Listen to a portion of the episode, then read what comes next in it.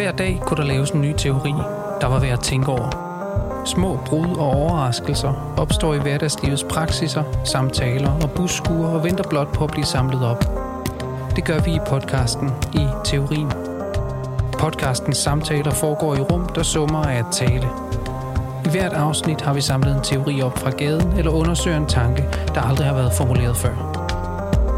Hvilket er et objekt, der på den måde er sådan set. Øh, Schelling for eksempel. Han hos nogle individer, som handler om i aften.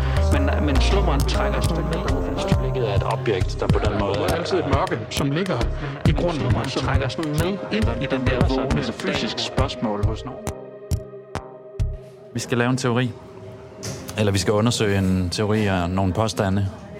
Og måske, øh, måske er det virkelig dig, der lige skal formulere, Henrik, hvad Jamen, jeg har jo ja. på en måde en slags hypotese, kan vi måske sige. Ikke? At, øh, det, det, vi vil snakke om, det er wokeness, og, og hele den der woke-diskussion om, hvem er det egentlig, der er woke, og er de, er de i virkeligheden så opvagte, som de selv går og tror.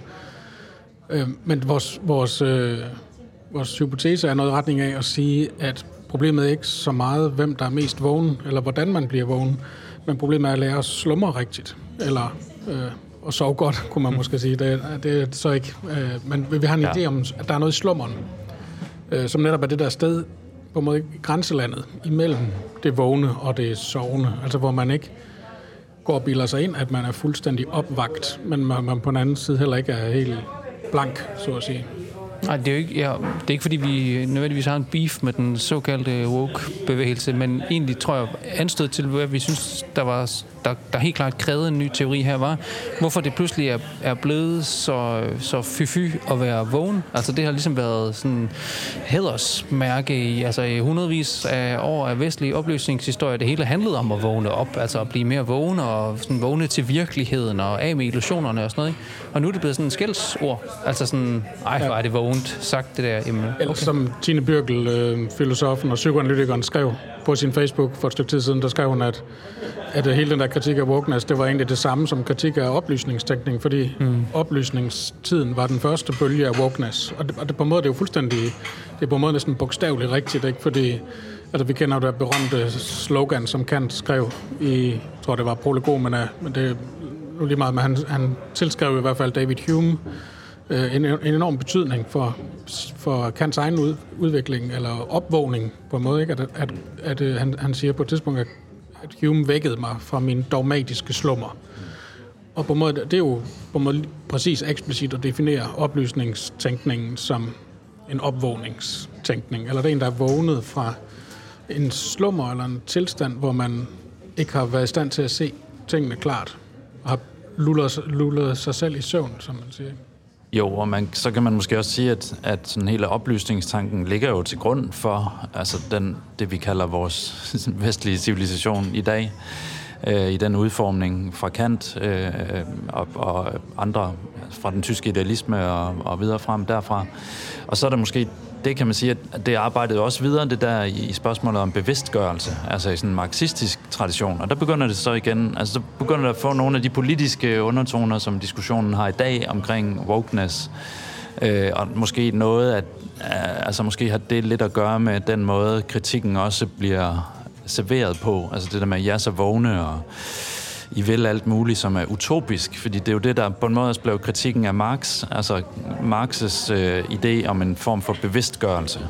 Mm. Altså når først arbejderne ser, hvordan de bliver undertrykt og så videre, så vil de, ja, så vil de indse, at de kun har deres lænker at miste, og så får vi det klasseløse kommunistiske samfund og så videre, ikke?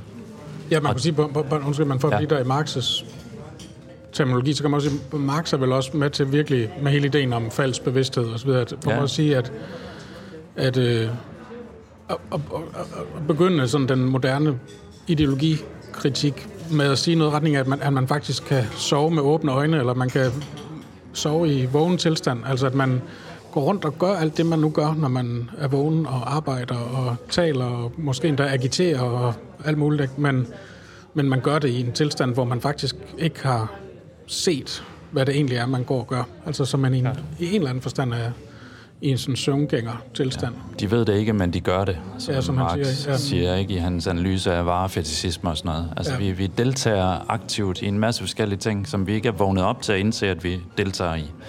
Og derfor er vi nødt til at, at vågne op på den måde. Og så kan man jo trække sådan parallellen endnu videre og sige, "Nå, men nu sådan set fra fra et kritisk synspunkt, altså kritisk ind på sådan tanken om opvågning og bevidstgørelse, at øh, så kan vi jo lynhurtigt komme over i, at Marx, det var sådan noget, som var utopisk, og det var noget, som var øh, ligesom ude på en, en radikal, et radikalt overdrev. Det var en form for radikalisme.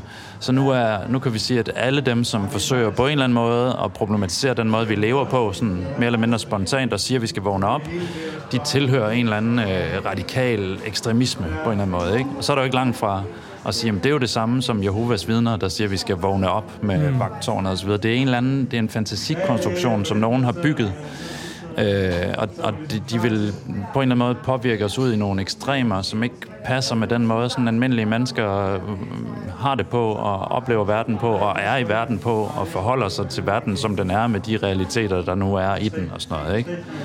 Jo, så grundlaget for at kunne lave den her teori er måske at sige, der er en, først og fremmest ar- arbejder vi nok de fleste af os spontant med en eller anden sådan rimelig simpel dikotomi imellem sådan ægte og falsk, altså som, hvor, hvor falsk hører til det sovende, øh, og ægte hører til det vågne, ikke? Og, og jeg, tror, jeg tror, det er en af de største, eller mest udbredte troper i, i moderne populærkultur, altså ja. stort set al mulig øh, sådan Hollywood-underholdning, som handler om forskellige måder at vågne op på, forskellige illusioner, som er trukket ned over øjnene på os, og er virkeligheden nu, hvad den er, og hvad er en computersimulation, og der er alle mulige af den slags idéer, som virkelig lever i vores altså, ja, i populærkulturen, og alligevel så, så har det fået den her lidt underlige negative klang nu, at, sådan, at, at være vågnet op til, altså det er selvfølgelig, wokeness handler først og fremmest om kønsspørgsmålet, ikke? altså køn og seksualitet.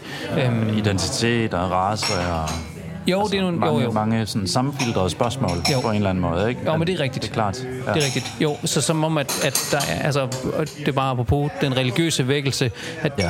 man kan få fornemmelsen af, at det er det, man bliver skudt i skoene. Ja. Altså, at jamen, du er så fucking woke med det der. Altså sådan, Ja. ja. jamen, det, det er klart, du tror på dommedag, eller på undergangen, eller på frelsen, eller, øh, øh, fordi du er jo vækket ind i det der. Øh, men, men underforstået, at det er en falsk opvågning. Altså, det er en, man er vågnet op til en, en illusion nærmest. Ja, og dermed bliver det også på en måde sådan en slags kamp imellem forskellige hævdelser af at være den, der er vågen, kunne man sige. ikke? Altså fordi de woke bliver beskyldt for at bilde sig selv ind, at de er mere vågne end andre, og som om de har en eller anden privilegeret adgang til en højere sandhed eller sådan noget lignende. ikke?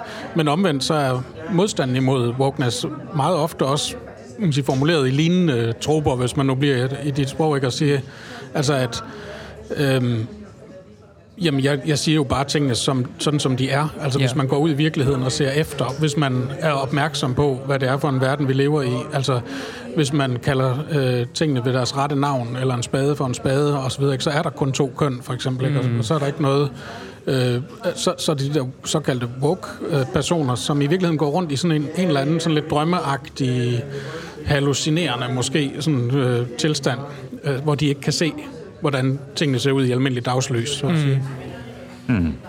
Ja, de er på en måde blevet blændet af deres egen øh, oplysning et eller andet sted. Ikke? Jeg får sådan lidt associationer til Platons hulelignelse, selvfølgelig, som også ligger i baggrunden for os. Det er også lige havde fat i med alle de utallige versioner af at vågne op og så videre, så videre, som ligger i Hollywood. Altså, at, nede i hulen, så er der en gruppe fanger, og de ser skyggebilleder på en bagvæg. Og det er det, de tror i virkeligheden, at filosofen, øh, og det er jo så Platons udlægning af, hvad det vil sige at være filosof, og hvad filosofi går ud på. Øh, filosofen går ud af hulen og skuer idéerne. Mm. De rene idéer, fornuftsidéer Øh, og kommer så tilbage i hulen igen. Man er jo helt blandet, da vedkommende kommer ind, Blandet af sollyset og idéernes kraft og sådan noget, og, og i den forstand toger rundt, ikke? Altså, og kan ikke forholde sig til, til sådan det helt konkrete, der foregår. Mm.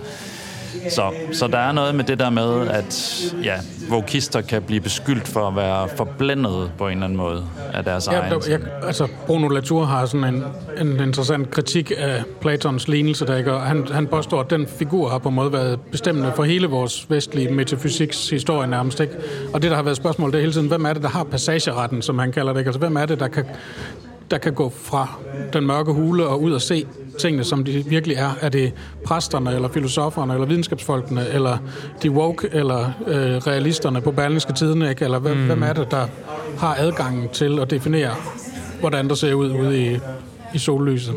Ja, så vores idé er jo noget med at sige, at okay, vi har et problem med den her dikotomi til at starte med. Altså, den er nem at forstå, forholdet mellem vågen og drøm, og øh, mellem øh, ægte og falsk, eller sådan noget. Men, men det er ikke så meget et spørgsmål om, nødvendigvis, hvordan kommer vi ud af hulen. Det er heller ikke et spørgsmål om at finde en ny udgang til en anden virkelighed, eller en bedre opvågning, eller sådan, jamen, altså, wokisterne er heller ikke helt fat i det, vi skal have. Altså, det, der, der er en lidt anden kønsforestilling, vi er nødt til at få, få med ind i samtalen, for virkelig at få den nuanceret, men, men måske egentlig, at, at der er noget mere radikalt på spil i midten mellem de to ting i den der slumre tilstand.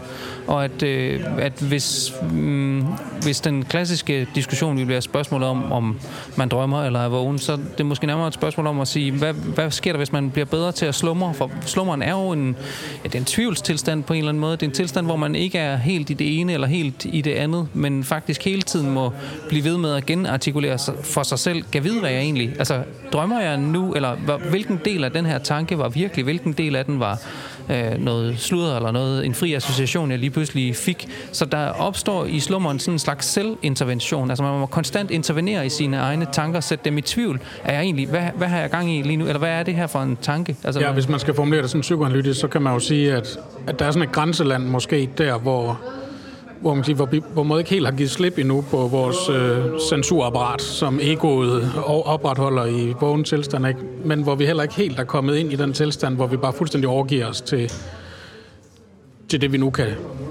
opleve i, i den der rene drømmetilstand, men altså hvor vi på en måde kæmper i sådan en liminalitetsfase imellem, altså en grænsetilstand imellem det vågne og det sovende. Det er klart, at det er jo den der passage, ikke? Altså, det er jo, og det er jo helt sådan konkret i psykoanalysens indretning i klinikken, som vi mange gange vender tilbage til. Altså det der med, at du ligger på en briks, men du ligger der ikke for at sove. Mm. Altså det er ikke for at få en, en lur, du går derind. Det kan være, at nogen analysanter gør det, og, mm. og så vil nyttiggørende bryde ind på en eller anden måde, ikke? Men man ligger der heller ikke for at sige i klare, rene ord, hvem, hvem man er, og hvor man kommer fra, og hvor, hvad man står for. Altså mm. man ligger der i en vis forstand for at slumre. Altså, ja. Det er jo den påstand, vi vil prøve at ligesom udvikle her. Ikke? Altså, du, du bringer dine tanker til tors i, i sådan en fri, associativ, så vidt det nu er muligt, øh, kæde af tanker, og så støder du nogle gange på noget. Ikke? Altså, og, men du, du kan egentlig kun komme dertil, hvis du tillader dig selv den der slummertilstand. Ja, det er meget præcist at sige, at analytikeren netop har den rolle, tror jeg, at sige, altså at fastholde den her grænsetilstand. Altså at ikke tillade dig at og bare sådan blabrer løs, altså hvor du helt altså falder i søvn i, sådan en, i, den, i hvert fald i den forstand, at du, du helt har mister orienteringen, eller slet ikke øh, ved, hvor du skal hen. Men en gang imellem lige stopper op og siger, hov, du sagde før, sådan og sådan. Skal prøve at gå tilbage til det, og se, hvordan det hænger sammen med det, du siger nu. Ikke? Så det er sådan en slags... Øh, det er ikke en turguide, fordi det er ikke en, der ved, hvor vi skal hen, men, men det er på en mm. måde en, der kan, kan fastholde analysanten ideelt set netop i den der mellemtilstand, hvor der er tilstrækkeligt med fri tænkning til, at man lader paraderne sænke, og samtidig er der tilstrækkeligt meget skarphed og bevidsthed og retning alligevel øh, til, at man faktisk kan, kan afklare ting. Ja, men det er det. Altså, der går de der anekdoter om, hvad Lacan, altså psykoanalytikeren Jacques Lacan, gjorde, hvis det var, at hans analysanter var, på en måde var for vågne, eller var for velforberedte enten ville han begynde at spise nogle meget, altså nogle kiks, der skulle døbes ned i noget kaffe, og så slubre dem på en meget ulækker måde. Sådan så det gav en virkelig et forstyrrende moment i rummet på en måde. Eller også ville han sende dem hjem. Altså simpelthen bare efter to minutter hjem igen. Det, det, vi er ikke der endnu. Men på den anden side igen, altså det handler heller ikke om at ligge der og snorke sovevalg. Altså man skal jo fat, på en måde skal man have fat i det moment i, i ens søvn, hvor der er noget, der holder en vågen i søvnen. Altså for at give en, et billede på den her passage, eller den her, den her mellemzone, den her liminale zone, som vi prøver at aftegne her, ikke? Det er ja, et eller andet, der holder en vågen i søvne. Så måske kan man også stille spørgsmål om, om indhold. Altså, så hvad er, det, man, øh, hvad er det, man tænker over, så at sige, på Brixen? Man kan også sige, hvad er det, man tænker over i slummeren? Det er jo ikke, fordi man aktivt tager et eller andet med, ind der er den der, det der mundhæld om, det vil jeg lige sove på. Altså, så kan man, så kan man sove på et eller andet, ikke? Som siger, det her problem tager jeg med mig ind i drømmen, og det løser sig der, eller, eller bare, at jeg vågner og er, er, er, har, har klarhed og er frisk ja. og er klar til at tænke over det igen. Men det er jo ikke, fordi man aktivt tager et eller andet med sig ind i slummeren. Der, der kommer ting til en på en eller anden måde. Ikke? Man, man lægger sig der, eller øhm, er på en eller anden måde endt i en slummer-tilstand, og så, så kommer der noget. Altså, Jamen, så skal der næsten noget, have det der eksempel så med, med Derrida, som i der er sådan Ja. en portrætfilm om Derrida, som blev lavet øh, for det er vel en 15 år, 20 år siden, vil jeg tro. Øh, men hvor han i interviewet der på et tidspunkt fortæller om, at, at øh, han selv har oplevet, eller oplever, øh, sådan en, en særlig tilstand netop der i slummeren. Det er ikke det, han lige præcis kalder det, tror jeg, men det er det samme, han mener. Men altså, hvor han, når han er vågen og arbejder, så, så skriver han med en vis nødvendighed. Altså, der er en analyse af et eller andet spørgsmål, han dekonstruerer et eller andet udtryk eller en tekst, eller kritiserer en anden forfatter for et eller andet, ikke? Og der er en nødvendighed i det, altså skriften tvinger sig selv igennem, kan man sige, at det er sådan her, det må være, og det, det må jeg skrive. Men så når han så ligger i den der slummertilstand, og er på vej ind i søvnen, men stadigvæk i, i, der, hvor han på en måde tænker, kan man sige, øh, delvist, halvt bevidst og halvt sovende, kunne man sige, der kan han så lige pludselig få sådan et ja af, en, af en indskydelse, som Øh, ekstremt selvbebrejdende, for eksempel, at sige, hvad, hvad, hvad, hvad bilder du dig ind? Tænker, du har skrevet det, tænker, du har fornærmet den store forfatter, som du overhovedet ikke er i nærheden af at kunne gøre rangen stride til noget som helst. Hvor er du indbilsk? Altså, og var det åndssvagt, alt det, du har sagt, ikke? Og, og jeg tror, pointen i det er, det er dels selvfølgelig, at der er sådan en form for sandhed, der sker i den der slummertilstand, men, men samtidig også, at det ikke er en sandhed, der måske nødvendigvis skal oversættes fuldstændig til den vågne tilstand, når han så vender tilbage til teksten. Det siger han ikke noget om der, der, men jeg kunne forestille mig, at det, det der sker, det er jo ikke, at han så går, smider det hele ud, eller, eller reviderer det, eller starter forfra, eller sådan noget, men at der måske er en opmærksomhed på, har jeg egentlig formuleret det her præcis nok, eller måske er der en sætning, der skal skiftes ud med en anden, eller Men det er, der, det, det er der, nu får jeg bare lige den tanke, at måske det er lige præcis det, der kan gøre sig gældende for slummeren. Det er, det er måske det eneste sted, hvor tænkningen rigtig kan finde sted. For alt imens, at den vågne tilstand selvfølgelig er logos helt velordnet, jeg bruger mine kognitive skemaer, bla bla bla, jeg kan få det der til at fungere, det der, hvor, som Brian sagde før, altså, hvor man bare taler klart til sine analytikere, nu jeg er sådan og sådan, jeg kan lide det og det, og drømmen er den frie association, så kan man sige, måske er slummeren det eneste sted, hvor dialektik egentlig er mulig. For hvad er det der, der tænker der? Altså han tænker jo på en måde netop dialektisk. Altså det er ikke en helt ny idé, der kommer ex nihilo, eller som pludselig kommer sådan ud fra, nej, nu kan jeg se den. Altså her, her kommer en helt anden ting, jeg slet ikke havde set, eller en helt ny øh, information udefra eller indenfra. Men det er faktisk en dialektisering, det vil sige, altså netop ikke i den der naive forstand, at nu syntetiserer jeg lige nogle idéer, jeg havde tidligere. Når jeg ændrer forudsætningerne for, hvorfor jeg resonerer, som jeg gør, mm. baglæns nærmest. Ikke? Ja. Altså pludselig ser jeg, at de forudsætninger, der er for mit problem, hviler på et forkert grundlag, eller på et grundlag, som egentlig af sig selv kan undergrave sig.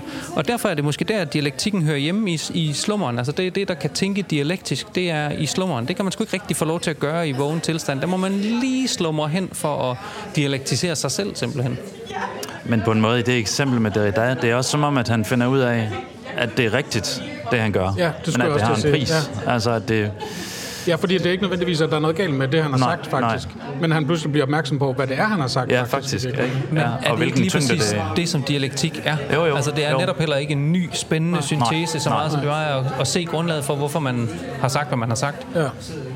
Nej, men det er på en måde at lige pludselig blive opmærksom på, at man selv har indsat den forudsætning for at Ja. sige det, man nu siger. Ja. Og den viser sig der i slummeren, ikke? Og den, den kommer så med en pris, ligesom alle Jo. dialektiske udviklinger har mm. en form for omkostning eller pris, mm. eller øh, hvordan man nu skal formulere det. Og, og det er på en måde det, er det, der går op for ham. Det er sgu alvorligt, det her, eller ja, hvordan man nu skal sige det, ikke? Altså, der, der er noget på spil der i slummeren. Jo, og i forhold til, hvad jeg kan sige, hvis det her også handler om en, en samfundsdebat, som findes lige nu, så er spørgsmålet altså heller ikke så meget sådan, om så skal der noget helt ny viden på bordet. Nu skal vi virkelig have lavet det kromosomforskning, så vi en gang for alle kan få slået fast med en ny ekstern, meget vågen mm. viden om, øh, om, øh, om der taler om variationer eller kontinuum, eller hvor, hvor vi er henne med det der. Ligesom at det selvfølgelig heller ikke handler om frit bare at associere og skrive sig fantasmatisk ud i alle mulige afkroge af, hvad et køn kan være eller kan betyde, men at der lige i midten af det ligger muligheden for at sige, vi, vi er allerede kønnet. Det er et problem for os. Ingen af os kan definitivt sige, sådan, at sætte den viden helt på plads, og derfor bør det hele tiden ændre retroaktivt forudsætningerne for den diskussion simpelthen. Altså det bør undergrave på forhånd den viden, vi tror, vi går ind i det spørgsmål med, og det er jo den dialektiske vending, mm. altså at ændre præmisserne for spørgsmålet nærmest. Ja, men jeg, jeg tror du... Ja, der er noget virkelig rigtigt i at sige det på den måde. Altså som, ja, som, som vi nok lige skal tykke lidt på, på en eller anden måde. Men, men ja, jeg tror virkelig, det er rigtigt, at det på en måde, det er, det er en revolution at begynde at tale om køn på alle mulige forskellige måder. Mm. Øh, og det er så en revolution, der nogle gange øh, går fremad, og nogle gange bliver rullet tilbage mm. igen, og så videre. Det har historisk øh, ligesom vist sig på forskellige måder. Men der er et eller andet i det, som virker vildt, og som, som den, der der står udefra og kigger på det, og egentlig bare passer sit arbejde og sit liv, så virker det underligt, at lige pludselig skal man kunne gøre alle mulige ting, altså helt ned i vores sådan, kønslige identitet og sådan noget, som man ikke kunne før. Altså, stop nu på en eller anden måde. Ikke? Altså nu, nu, nu står vi nogenlunde fast, at der er krig i Ukraine, og der er hungersnød, og der er klima, mm. alt muligt. Også det på en eller anden måde. Ikke? Man bliver helt bange. Man kan, på en måde kan man godt forstå den øh, frygt for at begynde at pille i alle de der forankringer og sådan mm. noget. Men på en måde skal man måske så bare se det mere på den der dialektiske måde, at måske er det mere, altså måske er det en revolution, men den er bare mere moderat i en, i en vis forstand. Den er bare den erkendelse, som vi hele tiden godt vidste alle sammen, og som vi drømmer om om natten, mm. at vi ikke, altså, vi, vi har sgu ikke helt styr på det med kønnet. Nej. Eller på det med, hvad det egentlig vil sige at være en mand, eller vil sige at være en kvinde, eller vil sige at skifte fra det, fra det ene til det andet, mm. eller at have et problem med, hvordan vi, vi fremstår både for os selv og for andre at have et problem med, hvad det egentlig vil sige at være tilskrevet en, en kønslig seksuel identitet. Altså det... Nej, så kønsspørgsmålet hører, det hører ikke hjemme i den vågne tilstand, hvor Nej. jeg får lavet en gentest og finder ud af, at okay, i virkeligheden ser det sådan her ud for mig. Det hører ikke til i den, i den drømmende tilstand, hvor jeg pludselig drømmer, at jeg er en sommerfugl eller noget helt tredje, og det siger et eller andet helt det, sandt det, om mit køn. Altså, det gør alle. Altså, det, vil være, det gør vi jo alle sammen, for fanden, ikke? Altså. Men, men det hører til der i, i midten, hvor jeg, ja. hvor jeg bare bliver i tvivl om det, som jeg holder som grundlaget for, hvorfor jeg er kønnet, som jeg er. Måske egentlig også øh, altså, har den betydning, jeg tror, det har, mm. øh, og som må, som må forandre nogle ret fundamentale ting om min forestilling om normalitet, ikke? Måske er der noget faktisk i, i sådan, hvis vi lige kører sådan rent ontologisk abstrakt på den, at, at den vågne tilstand, det er der, hvor vi virkelig gerne vil have fastlagt meningerne og betydningerne og sådan noget. Hvad er det, vi taler om her? Taler vi om genetisk køn, eller taler mm. vi om mm. det hormonale niveau, eller mm. om øh, gonader, eller, mm. eller kønsroller. Øh, kønsroller. Det kunne så være den anden variant af det, psykosocialt køn. Hvad taler ja. vi egentlig om, og sådan noget, ikke? Mens den sådan kaotiske, primære processuelle tilstand er der, hvor det hele bare virvler rundt på en eller anden måde. Og det, så kan man være en mand i det ene øjeblik i en drøm, og det andet øjeblik noget helt øh, andet, og tredje og dyr og et menneske osv. Mm. Det hele det virvler rundt. Men, men og, og det kan man sige, det er sådan kaos i meningen et eller andet sted. Ikke? Det, du kan slet ikke få styr på det, få hold på det. Men det, der egentlig viser sig i slummeren, er nogle gange altså ganske enkelt ikke meningen. Eller det at reducere det seksuelle eller det kønslige til noget meningsløst. Mm. Altså, det er meningsløst, at det seksuelle udspiller sig på den måde hele tiden. Der er ikke nogen dybere mening. Det er ikke yin og yang, og det mandlige og det kvindelige, mm. og en eller anden, at der skulle være en eller anden dyb, dyb mening, som vi finder i universet eller sådan noget det er heller ikke, at vi bare kan konstruere løs. Nej, det melder sig som noget, vi er stillet i forhold til mm. på en bestemt måde. Ikke? Og det er, den, det er på en måde den forudsætning for overhovedet at kunne konstruere alle mulige betydninger og meninger, sådan at vi møder i den der slummertilstand Kunne være, det, kunne være, det kunne være vores påstand, ikke? At, det, at det er der, man skal hen egentlig for at møde det der. Der var sådan en spøjs øh, lille begivenhed. Jeg tror, at det var vist i forbindelse med Pride den sidste gang, tror jeg nok, hvor hvor Ekstrabladet så gik ud og spurgte en masse politikere, der var med, stillede dem simpelthen det enkle spørgsmål, hvor mange køn findes der egentlig? Og der blev Mette Frederiksen meget berømt for, at hun svarede, øh, at den type diskussion kommer jeg ikke til at gå ind i.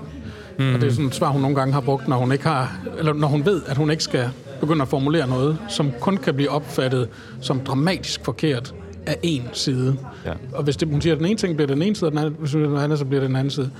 Men på en måde, det hun siger, det er jo også, at, at øh, der er nogen her, der er enormt øh, vågne og på mærkerne, ikke? Altså, som kommer efter mig. Uanset hvad jeg siger, så kommer den ene gruppe af de vågne og, øh, og vil, og vil have mig ned med nakken, så at sige. Men måske det, hun skulle have svaret på, det var sådan, i stedet for at sige, at den type diskussion går ikke ind, så, kunne hun mås- så det vil jeg lige sove på, eller den, den, jeg bliver Ja. nødt til lige at... Jo, og alligevel Ja. så tænker jeg, Ja. der, der, der er jo på helt baglænsvis et eller andet helt rigtigt over det svar. Altså altså, på en måde er jeg helt enig i, at det må næsten være svaret. Den der den diskussion, det vil sige, øh, hvad skal man sige, underforstået, i den framing, du laver på Ja. det her nu, Jamen, det Er er der to, der, er der der to nægter køn, jeg eller at svare. Ja, præcis. Ja, Er der to eller 72? Ja. Den, den type af diskussion kommer jeg ikke til at gå ind i. Men selvfølgelig er det, der er nogle andre grunde til, at hun svarer, som hun gør, det er som er klart, sådan ja. mere Jamen, der tror jeg, pragmatisk. ret. Ja, det kan Men- godt se det. Men Det er måske det er noget- der, hvor vi ja. kan lave sådan en inddeling i slummer, så, altså, hvor man kan sige, at der, altså, man kunne måske forestille sig en dogmatisk slummer og en udogmatisk slummer. Og det, hun taler for, det er selvfølgelig at forblive i sin dogmatiske slummer. Ikke? Mm. Sådan helt kantiansk at sige, "Nå, men prøv lige at høre, nu, nu skal vi ikke ødelægge den gode stemning. Nu sidder vi lige og spiser, og lad være med at bringe det der op nu. Altså, kan, vi ikke, kan vi ikke bare lige lade som om, at status quo kan gælde lidt endnu?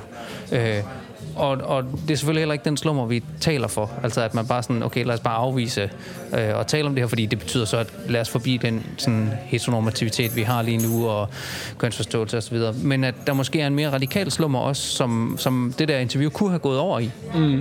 Øhm, altså hvor, hvor intervieweren selv skulle have blevet i tvivl om, Ja. om, om grundlaget for det spørgsmål. Måske er det faktisk et pisse dårligt spørgsmål, jeg lige har stillet dig. Ja, jamen det er, jeg kan godt se det. Altså, fordi det er netop at stille det op og sige, hvis du, hvis du svarer det ene, så, så skriver du dig ind i den. Og hvis du svarer det andet, skriver du dig ind i den. Er du holdt op med at slå din kone? Ja, det der. kan man- ja. Ja, det er netop typen af diskussionen, som Jo. er forkert der, ikke? Altså, den har allerede en præmis, som på en eller anden måde gør, at man ikke kan komme videre af den vej. Ja. Men spørgsmålet er så, hvad, hvad er det, man kan, når man har, har såret på det? Så? Altså, fordi...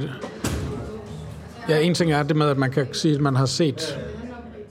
Øh, altså, er problemet det, at, at øh, man øh, forventer at få et svar, et klart svar, altså, eller der er vel heller ikke noget ideal i at sige, at vi hele tiden skal gå og være i tvivl om alting. Altså, at, at øh, vi skal fastholde sådan en eller anden slumrende tilstand, øh, hvor vi er i det der grænseland, hvor der ikke rigtig er noget, der er rigtigt, der er ikke rigtig mm. noget, der er forkert.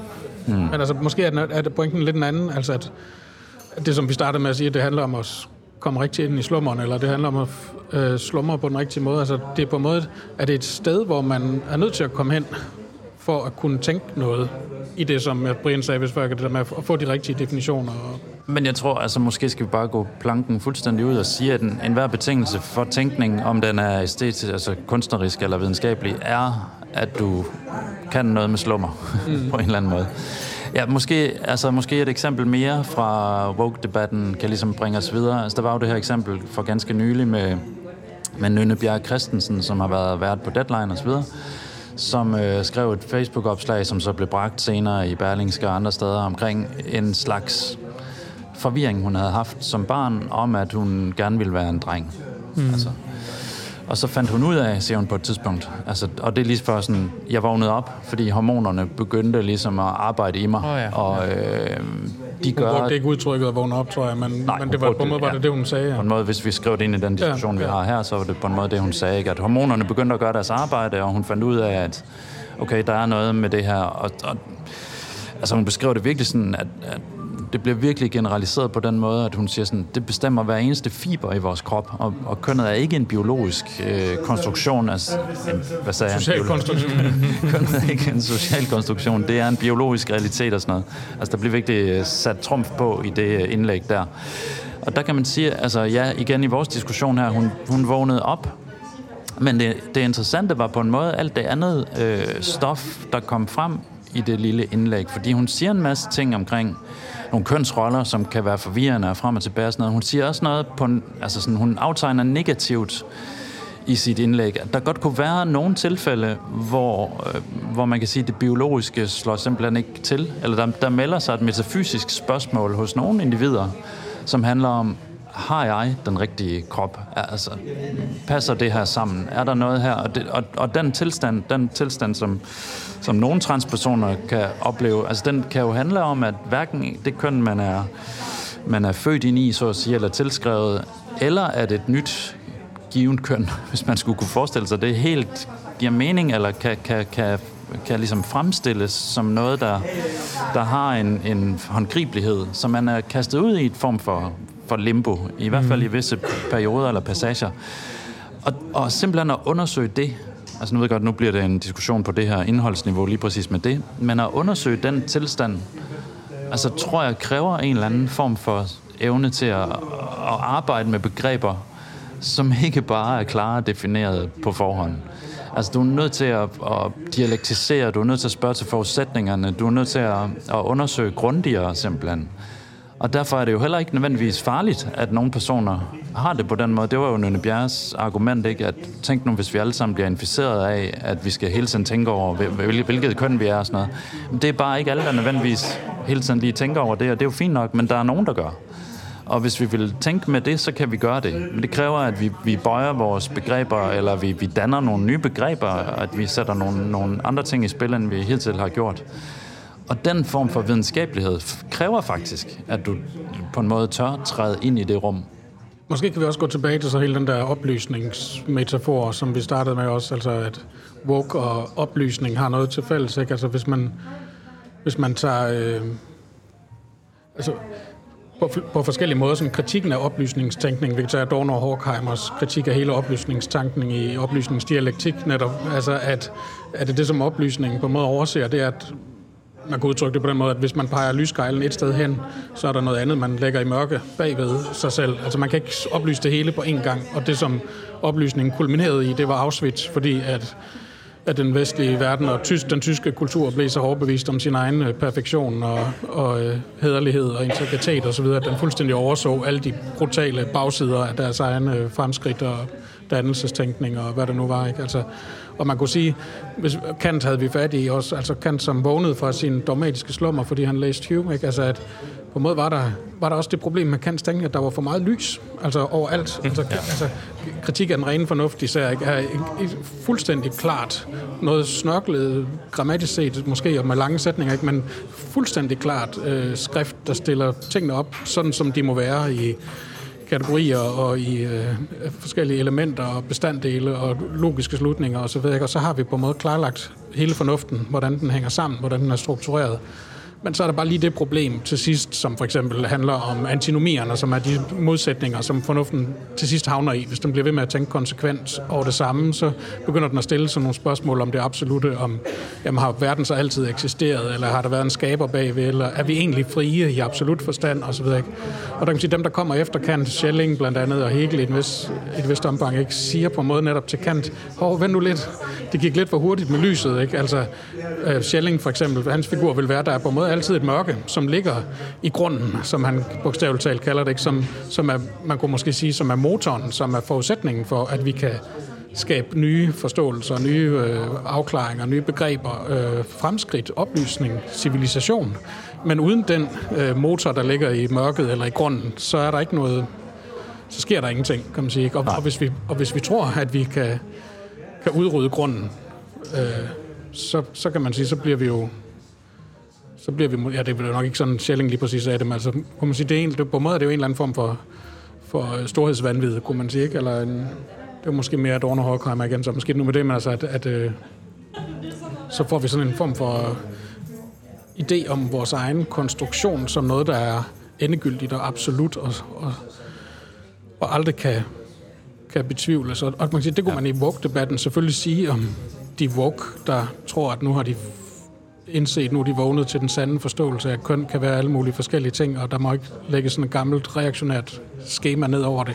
Men man kan jo også sige det om den modsatte lejr, ikke? Altså, vi har, vi har fået styr på, hvad køn er en gang for alle, og det har biologien afklaret, og det står i vores kultur, og det er mere eller mindre statistisk fuldstændig klart, hvordan mænd og kvinder opfører sig, og hvordan de er udrustet, og hvad, de, hvad det betyder for dem. Det kan vi godt blive bedre til at afklare helt i detaljerne. Der skal bare mere videnskab til, men vi ved det. grundlæggende set. Ja, måske kunne man godt, altså hvis man skulle forsimple det, kunne man godt sige, at det handler om på en måde at blive bevidst om ugrunden, eller hvordan Schelling ville formulere det, eller blive bevidst om det ubevidste. Mm. Øh, ikke i den forstand, altså her kommer vi jo ind på hele, sådan, hele Freud, Freuds projekt og så videre, ikke? Øh, at øh, opdagelsen af det ubevidste er jo også opdagelsen af den sten, der bliver ved med at trykke Præcis. i skoen, uanset hvad man gør. Og, og altså, det, er jo også, det er jo også forkert at sige, at så har vi bare opdaget, hvor irrationelt det hele er, og hvordan det hele er kaotisk og flyder og sådan noget. Nej, altså det ubevidste er noget, der opstår midt i det bevidste, eller midt i den strukturerede virkelighed, midt i talen. Og der har vi på en måde, undskyld, man forskellen ja. på Freud og Jung, ikke? Altså, fordi jo, jeg kom, nu kom til at tænke på ja. Jordan Peterson, ikke? og hans forståelse af, af køn, det er jo ja. på en måde også at sige, jamen det hele ligger i nogle ubevidste strukturer, ja. som ligger dybt forankret okay. nede i vores der ligger det der sjæl og så videre. Ikke? Ja. Men der er så nogle bestemte ekstremt stereotype opfattelser af manden som det rationelle og opvågne vagte, og kvinden som kaos, som det jo hedder bogstaveligt talt, ikke? Og nogle bestemte arketypiske figurer osv., som er en gang for alle på en bestemt måde. Det er lige præcis ikke den måde, Freud Nej. tænker det ubevidste på, men netop som Nej. du siger, ikke noget, der hele tiden, altså, som hele tiden spørger med, som mm. det der også sagde, ikke? Altså, alt, overalt, hvor der er ego, spørger det. Altså, der er hele tiden noget, der, der går bag om ryggen på os selv. Men kan, ja.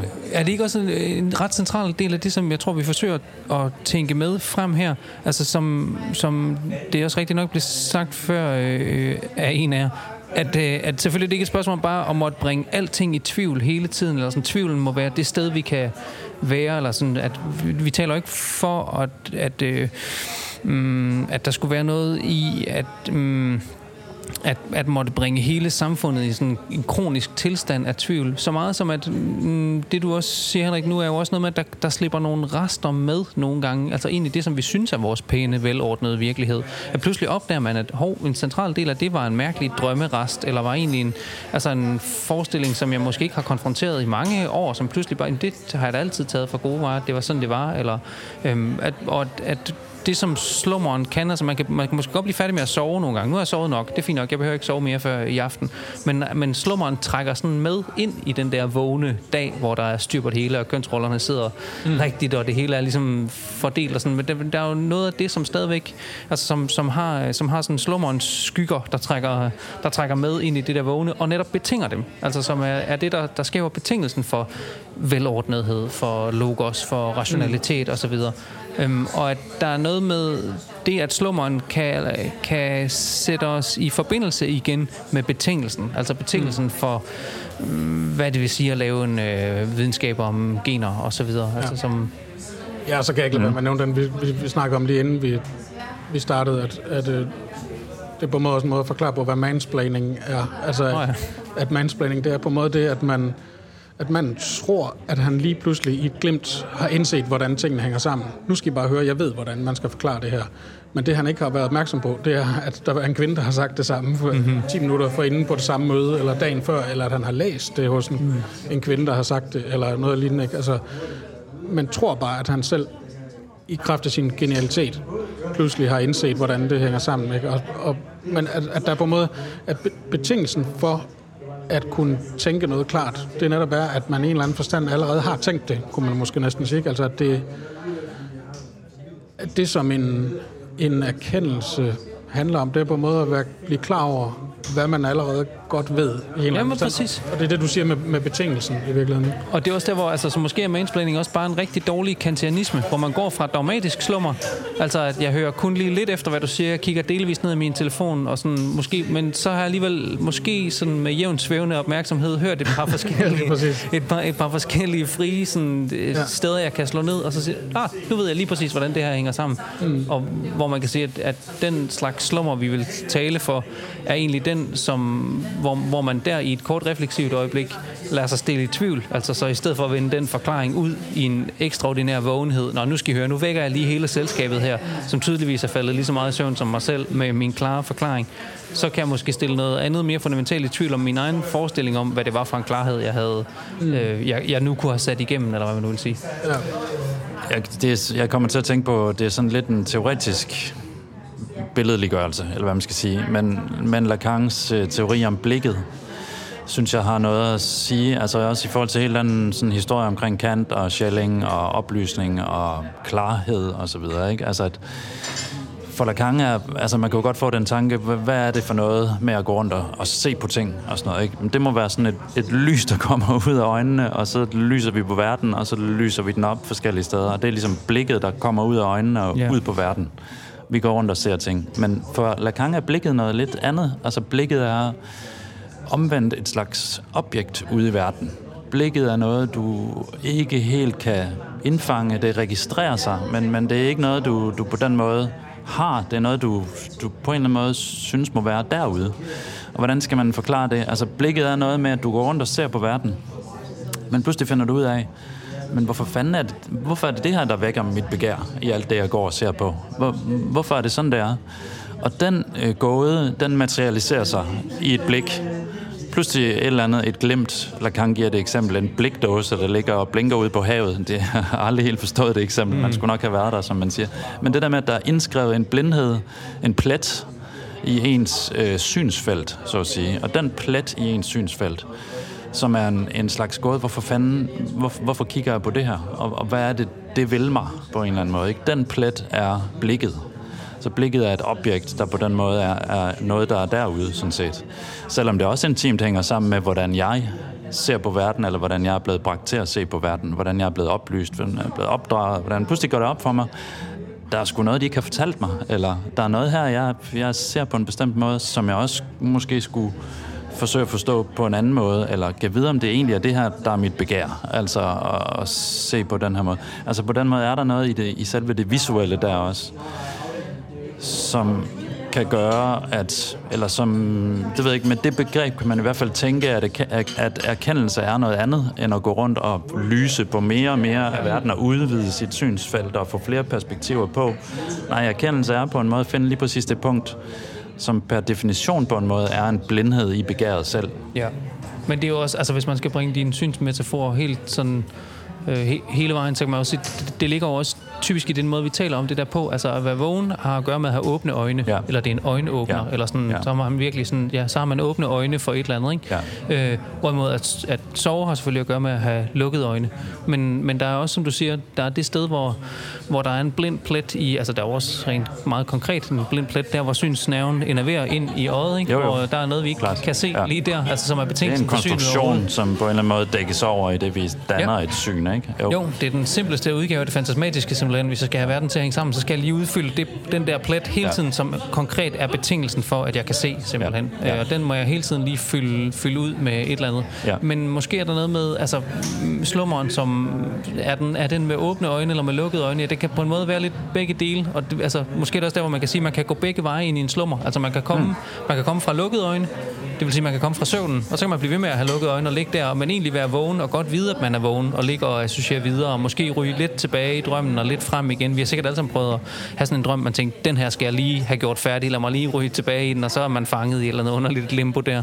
Øh, og omvendt kan du selvfølgelig også have øh, altså sådan øh, falde i staver, eller i dvale, eller sådan et eller andet, hvor man med, med åbne øjne ligesom bare sådan frit associerer ud af busvinduet, eller sådan, og hvor, jeg tror også, de fleste kender, at man tit får sine bedste idéer, ikke? Altså når man på en eller anden måde får, får sænket tilstrækkeligt øhm, sådan, øh, niveau af ens øh, parader eller bevidsthed eller sådan noget, og, en fri association rent faktisk begynder, men ikke så fri som i en drøm, men lige præcis tilstrækkeligt fri til, at man selv kan intervenere i den og sige, der er et eller andet der, altså Ja. som sin egen analytiker næsten. Må jeg godt bare sige, man igen med, altså, det kan godt være, det går lidt tilbage, så, eller, men jeg kom bare til at tænke på det, at den, det der billede, som Kant bruger ikke med at vågne af sin dogmatiske slummer, der på en måde skal man også nogle gange gå sådan nogle øh, billeder efter i sømne, så at sige, ikke? og sige, altså, var det Hume, der vækkede dig af din dogmatiske slummer? Hvad vil det egentlig sige? Fordi det vil netop ikke sige, at man sådan lige med et knips pludselig er i en tilstand, hvor man har forstået det hele. Og nu er tingene bare helt klare. Men det betyder jo, at Kant netop har været i sådan en fase, hvor han har været ved at vågne op, kunne man næsten sige. Ikke? Altså, han, han er begyndt at læse Hume og har fået tærsket sig igennem side efter side, ikke? og gradvist begynder der så at blande sig med noget, han har tænkt tidligere, da han læste Wolf, og hvordan han selv har undervist i antropologi og så videre. Og så lige pludselig begynder han sådan at forstå, jamen du Gustav, der er jo noget her, som er egentlig ruske galt i det, jeg har gået og sagt. Ikke? Og så kan man måske tale om, at han er blevet vækket af sin slummer, men det er slummeren, der er på en måde det arbejde, der skulle til. Præcis. Men, ja. Og der tror, du, der tror jeg virkelig, at du har den, og det, det tror jeg faktisk sætter det på plads, vi talte om tidligere i forhold til, hvad det er, der driver med ind, fordi det gælder jo netop også for den psykoanalytiske klinik. Altså det er kun i Hollywood, at man lægger sig der på briksen, og pludselig kommer indsigten med et lyn, går det op for mig, nå, det, var, det har hele tiden været min far, jeg ville imponere mm. med min karriere. Det var bare ja. det, det handlede om. Og nu er mit liv, altså nu kommer der en klarhed, sådan, som jeg, jeg er vækket af min dogmatiske slummer. Sådan fungerer analysen ikke. Nej. Altså man, man går i virkeligheden jo nærmest fra klinikken lige så meget i tvivl. Hvad skete der her? Eller det ved jeg sgu Ja. ikke rigtigt. Og så arbejder det. Altså indsigten har man uden for klinikken. Det er jo hemmeligheden om, hvordan psykoanalyse fungerer på en eller anden måde. Det fungerer ikke på briksen. Det fungerer også en udenfor. lille bemærkning til det, som Brian sagde før om, at, at, øh, at det ikke gælder om, at, at øh, analysanten selvfølgelig skal ligge på briksen og falde i søvn. Men jeg tror også, hvis man helt empirisk ser på det, så er jeg ret sikker på, at det, der er faren, det er faktisk i virkeligheden, at det er analytikeren, der falder i søvn. Fordi det er så kedeligt at høre på. Altså, det, sikkert. Det må det virkelig være. time ja. efter time efter time, efter, efter måned efter år, ikke? Altså, hvor der ingenting sker. Og det kræver en enorm tålmodighed, ikke? Mm. Altså en af vores kolleger har jo, er jo i gang med at publicere en artikel om en analysant, der slet ikke kommer, men hvor hun alligevel sidder og venter, mm. hvor vedkommende kommer, så der er faktisk ikke engang nogen tale. Der er bare den venten. Øh, men det er måske igen det, altså, det er jo, altså på en måde er det jo virkelig et, et, det stærkeste sådan, kærlighedsbevis, altså, som psykoanalysen eller den type af praksis kan give til at vente på det der. Mm. Øh, og til at og, ligesom holde den zone åben, som hverken er søvn eller vågen, mm. men som befinder sig i det der limbo, ikke? Det skal man, det, altså man, ja, det må være utrolig kedeligt nogle gange, men på en måde nødvendigt. Øh, altså for overhovedet at kunne komme videre eller ud af stedet. Jo, men jeg tror også, altså det, det som jeg egentlig også mener, er, at, at den kedsomhed er altså ikke afsluttet der, at så går man, nå, der skete ikke rigtig noget i dag, det var bare det. Mm, Nej, det, det er jo måske også først der, det nærmest begynder ja. at arbejde, at så går man ud i sit liv igen, og begynder at se eller lægge mærke til, at sådan, prøv lige vent, der er noget om alt det der, jeg lige har ligget og snakket om, som jo egentlig, nu kan jeg jo faktisk godt se, det allerede er på spil i den måde, jeg, nu siger jeg jo lidt i de samme vendinger, som der blev interveneret i lige før, hvor jeg ikke rigtig synes, den intervention var noget, men nu kan jeg jo godt høre, at det ligger jo faktisk i den måde, jeg taler til min ja, familie og på. plus, Eller? og så er der måske Ja. også endda, jeg tror endda, man kan tage den tænkning, eller den tanke et skridt videre, apropos det, vi snakker med Derrida, ikke? at det må, måske er det netop ikke, at man nødvendigvis kommer til sådan en eller anden klarhed over, at nu kan jeg godt se, at det, jeg gjorde der, eller det, jeg mente der, eller det, jeg i virkeligheden har været optaget, eller det problemet var i forhold til min far og sådan noget, men at der er noget, der virker, og altså at netop analytikeren heller ikke ved, hvad det er, der virker, og hvordan det virker. Nej. Og, og analysanten ikke nødvendigvis bliver klar over det, eller bliver bevidst om det, men alligevel sker der en eller anden form for ændring af den måde, som vedkommende kan man sige, øh, er på, mm. for, fordi den er allermest banalt, ikke? Men altså, og som gør, at man måske kan gå tilbage til teksten og lige forbedre den en lille smule, eller ja. læse den på en lidt anden måde i hvert fald. Det er vel det der med at kunne stille sig anderledes i forhold til det, i en eller anden forstand. Ikke så meget, at, at teksten ændrer sig, som du siger, eller man skal lave det hele om, men at man bare lige positionerer sig minimalt anderledes i forhold til den. Mm. Eller måske bliver klar over, hvilken position man faktisk tager med det stykke arbejde, man har lavet, eller med, med det, man går og gør et eller andet sted, ikke? Eller vender tilbage til teksten og finder ud af, når man, det er jo det, jeg siger. Altså, Ja, ja, okay, det det er jo- simpelthen ja. det, jeg har skrevet. Ja, Altså, ja. at, men, men at man faktisk kan eje den position på en anden måde. Okay, Mm. jeg er den, der siger det, åbenbart. Og det krævede den der sløjfe omkring Brixens slummer, for at se, at jeg er den, der siger det. Mm. Ja. Skal vi tilbage til vokisme som en bare lige- afrunding? Ja, øh, jeg sidder og tænker på, om det har noget at gøre med, at altså, vi startede med at sige, at problemet er ikke, hvem der er vågen, eller at være woke, eller at der er nogen, der er woke måske, men altså at lære at slumre på den rigtige måde, så kan man måske også Ja. sige, altså uanset hvad man siger, oprindelseshistorien til begrebet woke, hvordan det lige er kommet ind i verden, så er det i hvert fald den måde, det mest bliver brugt på, er jo netop som en form for derogativ, kan man sige. Altså det, det er nedladende ment, at der er nogen, der kalder sig, eller forstår sig selv som woke. Men det vil også sige, det er på en måde, apropos blikket, på en måde kunne man næsten sige, at det er mig, der betragter dig og kalder dig for woke, og mener det som en kritik af dig, kan man sige. Og, og den kritik kunne jo så på en måde godt være at sige, du tror nok, du har regnet det hele ud, men du har slet ikke set dine egne blinde punkter. Mm. Det vil på en måde være en, kan man sige, en kritik, som i en vis forstand kunne have noget for sig måske. Ikke? Så husk at, at få det med i din fortælling, som er, hvad du selv oplever, når du slumrer, kunne man sige. Men omvendt, så kunne man sige, altså, at det, som den kritik ofte hvert fald ser ud til at være. Det, det snarere er sådan en anden form for... Det, det er virkelig en kamp om, hvem det er, der er mest vågen. Ikke? Altså, det er mig, der ved, hvordan hverdagen er, hvornår hormonerne vågner, og hvilken effekt de har, og øh, hvordan kønsrollerne kun er noget, vi selv skal forholde os kritisk til og sådan noget, men, men i virkeligheden er der en sand forklaring på, hvordan det hele hænger sammen.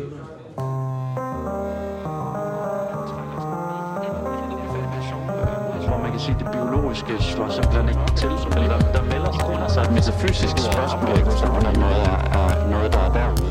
I grunden, som han bogstaveligt talt kalder det, ikke, som, som er altså overalt. Altså,